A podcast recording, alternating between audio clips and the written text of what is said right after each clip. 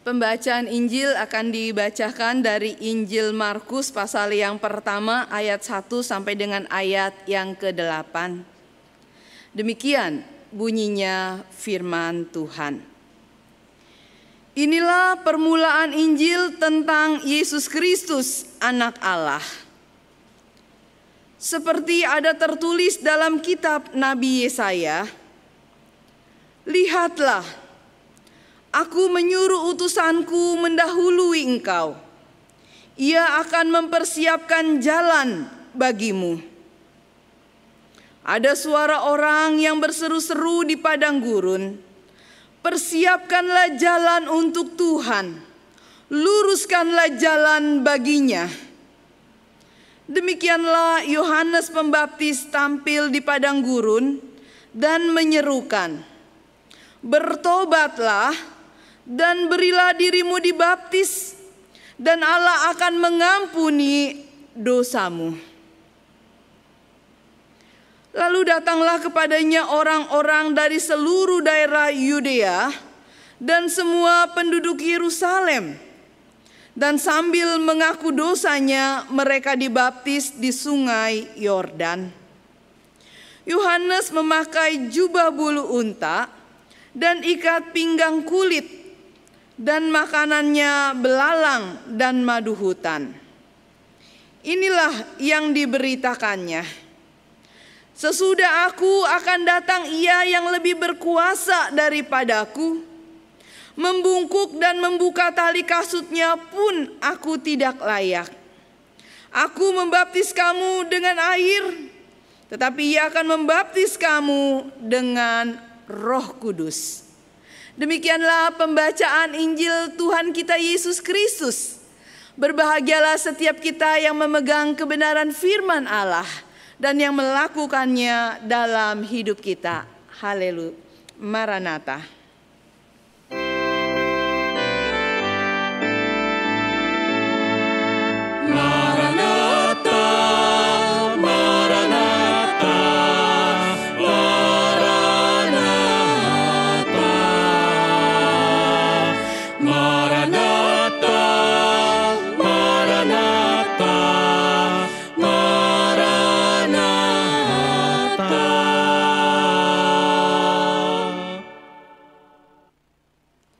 Silakan duduk kembali Bapak Ibu serta saudara sekalian. Hari ini dalam minggu Advent yang kedua. Setiap kita diingatkan kembali bahwa kita sedang menanti. Apa yang kita nantikan? Minggu lalu kita sudah belajar. Kita menantikan kedatangan Tuhan kita Yesus Kristus. Untuk apa dia datang ke dunia kembali? Bapak Ibu serta saudara sekalian, banyak gambaran yang disebarkan atau yang diberitakan. Di sana lebih banyak terisi dengan ketakutan dan kengerian. Oleh karena kedatangan Tuhan diidentikan dengan akhir zaman. Kedatangan Tuhan diidentikan dengan berakhirnya semua kehidupan yang ada di muka bumi ini kedatangan Tuhan diidentikan dengan sebuah penghukuman, penghancuran dan pemusnahan. Tetapi apakah hanya itu yang akan kita nantikan ketika Tuhan datang? Enggak. Minggu lalu kita sudah sama-sama belajar bahwa Tuhan datang untuk apa? Untuk menyelamatkan kita. Tuhan datang untuk apa? Untuk memulihkan keadaan kita. Tuhan datang untuk apa? Untuk menegakkan kebenaran dan keadilan. Tuhan datang untuk membuat semua yang diciptakannya boleh mengalami pemulihan. Mungkin untuk lakukan itu akan ada pembersihan yang dilakukan. Mungkin akan ada bukit-bukit yang harus diratakan. Mungkin akan ada lubang-lubang yang harus ditutup dengan rapat. Akan ada satu buah proses yang mungkin digambarkan dan lebih sering digambarkan sebagai sebuah peristiwa yang begitu mengerikan. Sehingga kadang-kadang menanti kedatangan Tuhan hanya identik dengan dipenuhi oleh rasa takut, oleh ketakutan, Bagaimana kalau nanti kiamat? Bagaimana kalau nanti bencana alam itu tiba? Bagaimana kalau penghancuran itu datang? Bapak, Ibu, serta saudara sekalian, kedatangan Tuhan bukan hanya berbicara tentang bagaimana Tuhan akan memulihkan dengan e, merombak, dengan membongkar, dengan menghancurkan, tetapi Tuhan juga datang untuk menyelamatkan. Dia datang untuk mengangkat dan memulihkan. Dia datang untuk mengembalikan kita ke dalam citra yang sesungguhnya ketika Tuhan menciptakan dan menjadikan kita. Dunia yang penuh dengan damai sejahtera Dunia yang di dalamnya pengakuan akan Allah itu sungguh dinyatakan. Dunia yang di dalamnya kebenaran dan keadilan boleh dilakukan dan dipraktekkan secara nyata. Kita menantikan saat itu. Dan gimana sikap kita selama kita menanti? Menanti sesuatu yang baik, menanti sesuatu yang begitu menyenangkan, menanti sesuatu yang kayaknya ini apa ya, seperti apa ya, bikin kita rasanya dak dikduk berdebar-debar. Bapak Ibu, eh, waktu tanggal 3 kan anak saya ulang tahun. Maka tanggal 2 itu kita bilang ya, udah sekarang cepetan tidur. Nanti kamu besok bangun tidur ada sesuatu kita bilang ya, ada surprise. Aduh apa mami surprise-nya apa? Udah tidur dulu. Dia merem. Aku nggak bisa tidur kata dia. Kasih tahu dulu, kasih tahu katanya ya. Bisikin. Uh, harus apa? Jetro harus lakukan apa supaya mami kasih tahu katanya gitu ya. Oh nggak bisa, namanya surprise nggak boleh dikasih tahu. Dia rasanya deg-degan mungkin ya. Jadi dia nggak bisa tidur. Tadi orang tua dari teman-teman kita yang akan dibaptis juga ada yang bilang ya. Udah lama nggak bisa ke gereja. Waktu menunggu di hari Sabtu, wah besok boleh ke gereja. Rasanya itu aduh gimana ya sampai deg-degan. Sampai juga nggak bisa tidur. Besok akan gimana, akan ada apa, akan mengalami apa, akan melihat apa. Bapak Ibu menanti, menanti sesuatu. Itu membuat kita penasaran. Nah ada orang-orang menanti lalu kemudian apa yang dilakukan selama menanti? Maka kalau dia tahu yang dinantikan itu sesuatu yang baik, sesuatu yang akan mendatangkan sukacita, maka ketika dia menanti dia akan mempersiapkan dirinya sedemikian rupa. Ini yang dinanti-nantikan ini sesuatu yang berharga, sesuatu yang penting, sesuatu yang bernilai. Maka akan disiapkan sedemikian rupa dilakukan persiapan-persiapan sedemikian rupa. Supaya apa? Ketika saatnya tiba, maka bisa menyambut dengan penuh sukacita. Nah Bapak Ibu serta saudara sekalian, apa yang kita nantikan dalam hidup kita di dunia ini? Apa yang kita nantikan di tengah-tengah kehidupan kita di dunia yang serba terbatas? yang mungkin kita hadapi dan kita lewati, kita lalui dengan banyak kesusahan dan penderitaan. Ada orang-orang yang di tengah-tengah kesusahannya dia berkata, enak kali ya kalau saya bisa tidur dan besok saya tahu waktu bangun keadaan sudah berubah. Hari ini saya dibelenggu oleh berbagai macam kelemahan. Saya punya penyakit yang mengganggu saya, yang membatasi saya. Saya punya penyakit yang membuat saya tidak bisa bergerak dengan bebas dan luasa. Saya punya keterbatasan-keterbatasan. Enak kali ya kalau besok bangun tidur tahu-tahu udah berubah semuanya jadi berbeda. Kita udah sekitar 9 bulan menghadapi masa krisis karena COVID-19. Kita mungkin juga berpikir kapan sih dengar berita bagusnya gitu ya. Tiap hari beritanya yang kita dengar apa? Wah yang terinfeksi, yang terkena di Indonesia nambah 5 ribu. Nambah empat ribu, nambah delapan ribu. Tiap hari beritanya penambahan-penambahan. Kita bilang kapan sih ada beritanya sesuatu yang baik terjadi. Kita berharap ada sesuatu yang baik. Kita menanti-nantikan sesuatu yang baik. Dan kapan yang baik itu akan datang? Bapak Ibu serta saudara sekalian, Firman Tuhan dengan jelas menegaskan bahwa tidak ada satu orang pun yang tahu tentang kapan saatnya akan datang. Memang dari sejak zamannya Tuhan Yesus dikatakan tinggal sesaat lagi katanya ya. Tinggal sesaat lagi kamu melihat aku dan tinggal sesaat lagi dan kamu nggak akan lihat aku lagi. Tapi tinggal sesaat lagi pula kita akan kembali bertemu. Tapi yang disebut dengan tinggal sesaat lagi itu ternyata begitu lama. 2000 tahun sudah sejak Tuhan Yesus ada di dunia. Tinggal sesaat lagi itu kok belum muncul-muncul juga. Kapan Tuhan datang dan boleh menyatakan bahwa iman kita memang adalah benar. Bahwa pengharapan kita memang tidak mengecewakan. Bahwa hari ini kita bisa menderita, tetapi akan tiba saatnya di mana Tuhan akan memulihkan keadaan kita. Hari ini kita diperlakukan dengan tidak benar dan tidak adil. Tapi ketika Tuhan datang, dia akan menyatakan kebenaran dan keadilannya.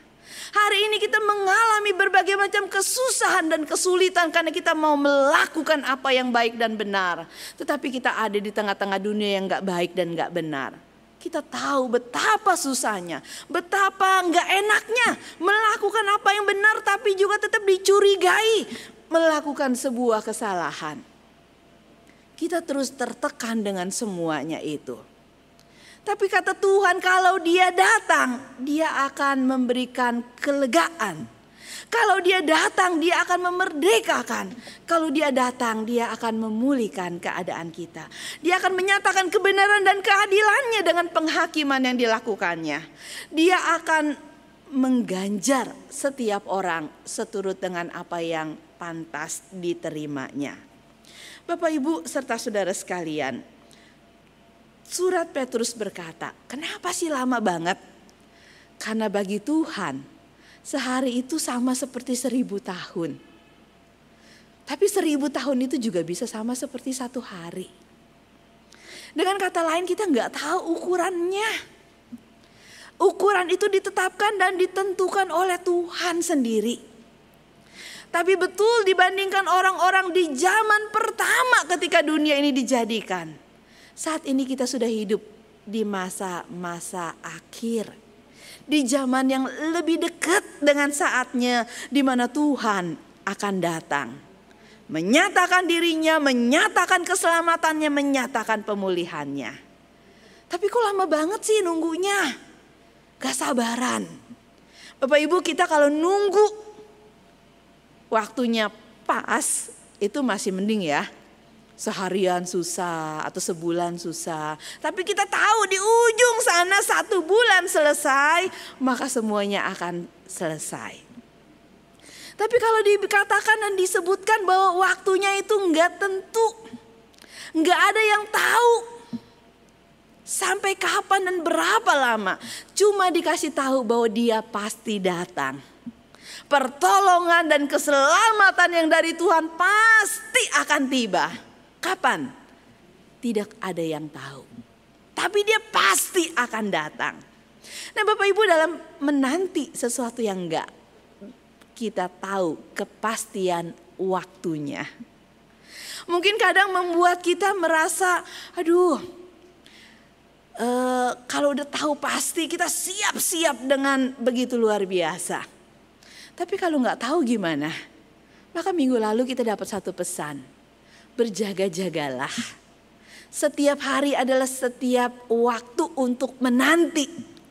Karena kita nggak tahu kapan saatnya. Nah apa yang harus kita lakukan dalam penantian itu?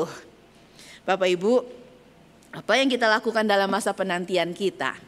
Tergantung pada apakah kita melihat dan menilai diri kita, hidup kita, waktu kita itu berarti atau tidak. Waktu kita itu berharga atau murah. Ada banyak orang yang merasa hidupnya itu biasa-biasa saja, nggak berarti, nggak berharga. Maka setiap waktu yang dimilikinya juga waktu yang biasa dan nggak berarti dan nggak berharga. Maka bisa dibuang-buang. Apa yang dilakukan selama menunggu? Ya udah, selama menunggu nggak ada kerjaan, gak usah lakukan sesuatu yang penting Lakukan aja sesuatu untuk membunuh waktu katanya gitu ya. Lakukan aja sesuatu untuk bikin waktu itu cepat lewatnya. Maka apa yang dilakukan? Ada orang-orang yang cuma tenggelam pada games ya. Tenggelam pada keasikan-keasikan ya yang dia pikir ini bisa dilakukan untuk menikmatinya. Emang nggak boleh menikmati hidup boleh, tetapi apakah hidup kita hanya untuk menikmati? Bukankah juga ada pekerjaan-pekerjaan yang Allah mau kita lakukan? Bukankah kalau Tuhan izinkan kita ada di dunia ini, bisa terlahir di dunia ini, bisa hidup dan bisa besar dan menjadi seperti adanya kita hari ini adalah karena Tuhan punya maksud dan kehendak dalam hidup kita. Ada tugas, ada pekerjaan, ada hal-hal yang baik yang Allah mau kita lakukan. Bapak, Ibu, serta saudara sekalian, apakah kita juga sudah mengerjakan pekerjaan-pekerjaan itu dengan baik dan setia? Kalau Tuhan belum datang saat ini, maka kata surat Petrus berkata, pandanglah itu sebagai sebuah kesempatan kesempatan yang Tuhan berikan supaya setiap kita bisa melakukan apa yang baik yang berkenan di hadapan Tuhan. Karena sesungguhnya waktu yang kita punya adalah waktu yang berharga. Kesempatan yang kita punya adalah kesempatan yang berharga. Tidak akan selalu ada. Bapak Ibu, waktu hari Selasa kemarin dalam diskusi baca Alkitab Gema. Ada seorang peserta diskusi bilang, ya Bapak Ibu boleh nggak saya ngajak mikir. Kalau misalnya kita boleh kembali mengulang kehidupan kita. Dia bilang ya, kembali balik ke titik awal. Apa yang akan kita lakukan? Tapi semua peserta diskusi pada bilang, ah nggak mau berkalau-kalau yang seperti itu. Karena faktanya kita nggak akan pernah bisa kembali memutar waktu. Betul Bapak Ibu. Kita nggak akan pernah bisa kembali memutar waktu. Wah saya pengen kembali ke masa kapan? Ke masa ketika saya masih muda. Ke masa ketika saya masih kecil. Ke masa ketika saya masih. Wah gitu ya.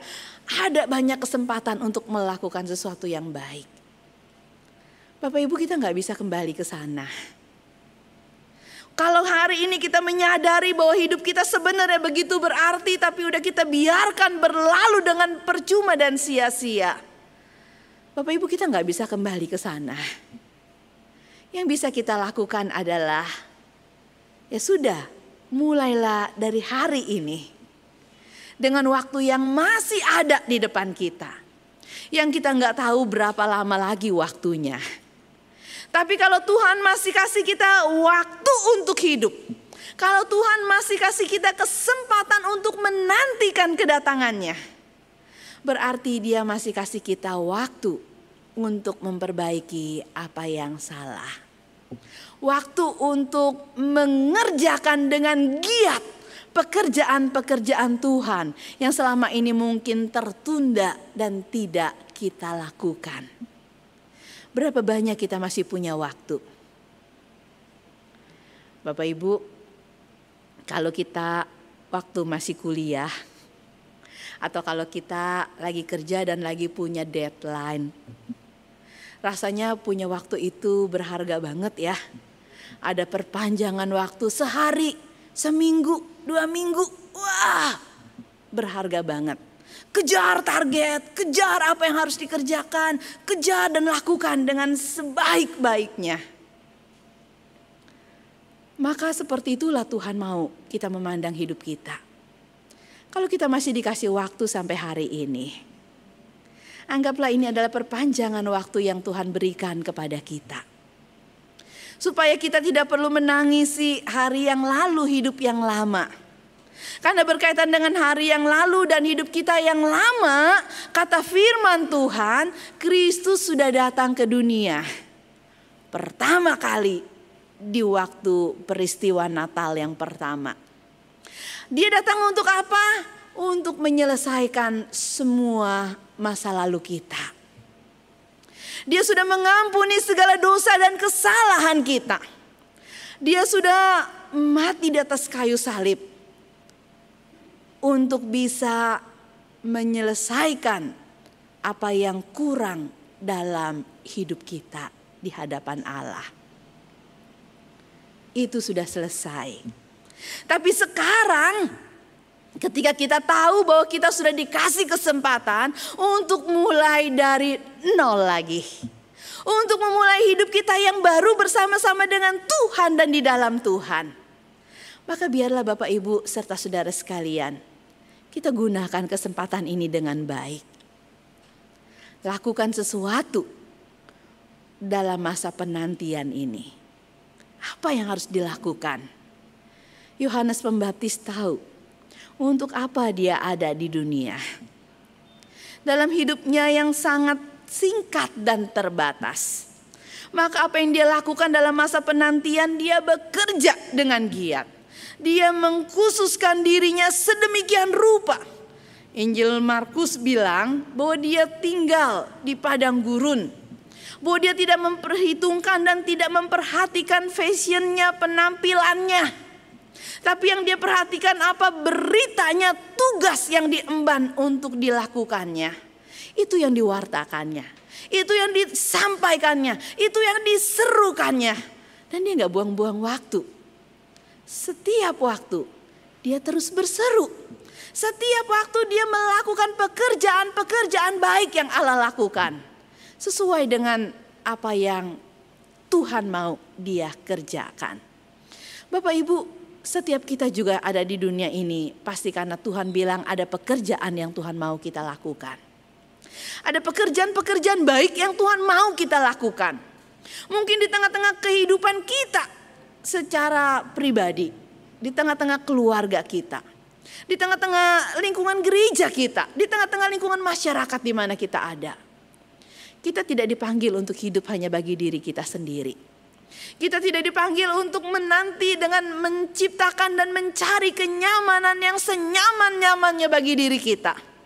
Tapi kita dipanggil untuk menanti dengan tetap giat bekerja. Apa yang harus kita kerjakan? Persiapkan jalan bagi kedatangan Tuhan. Sehingga kedatangan Tuhan itu bisa disambut dengan sukacita oleh semua orang, bukan hanya oleh kita. Karena itu apa yang harus dilakukan? Beritakanlah Injil. Beritakanlah kabar baik yang dari Tuhan. Sampaikanlah itu kepada banyak orang. Hadirkan kehadiran Kristus lewat kehadiran kita.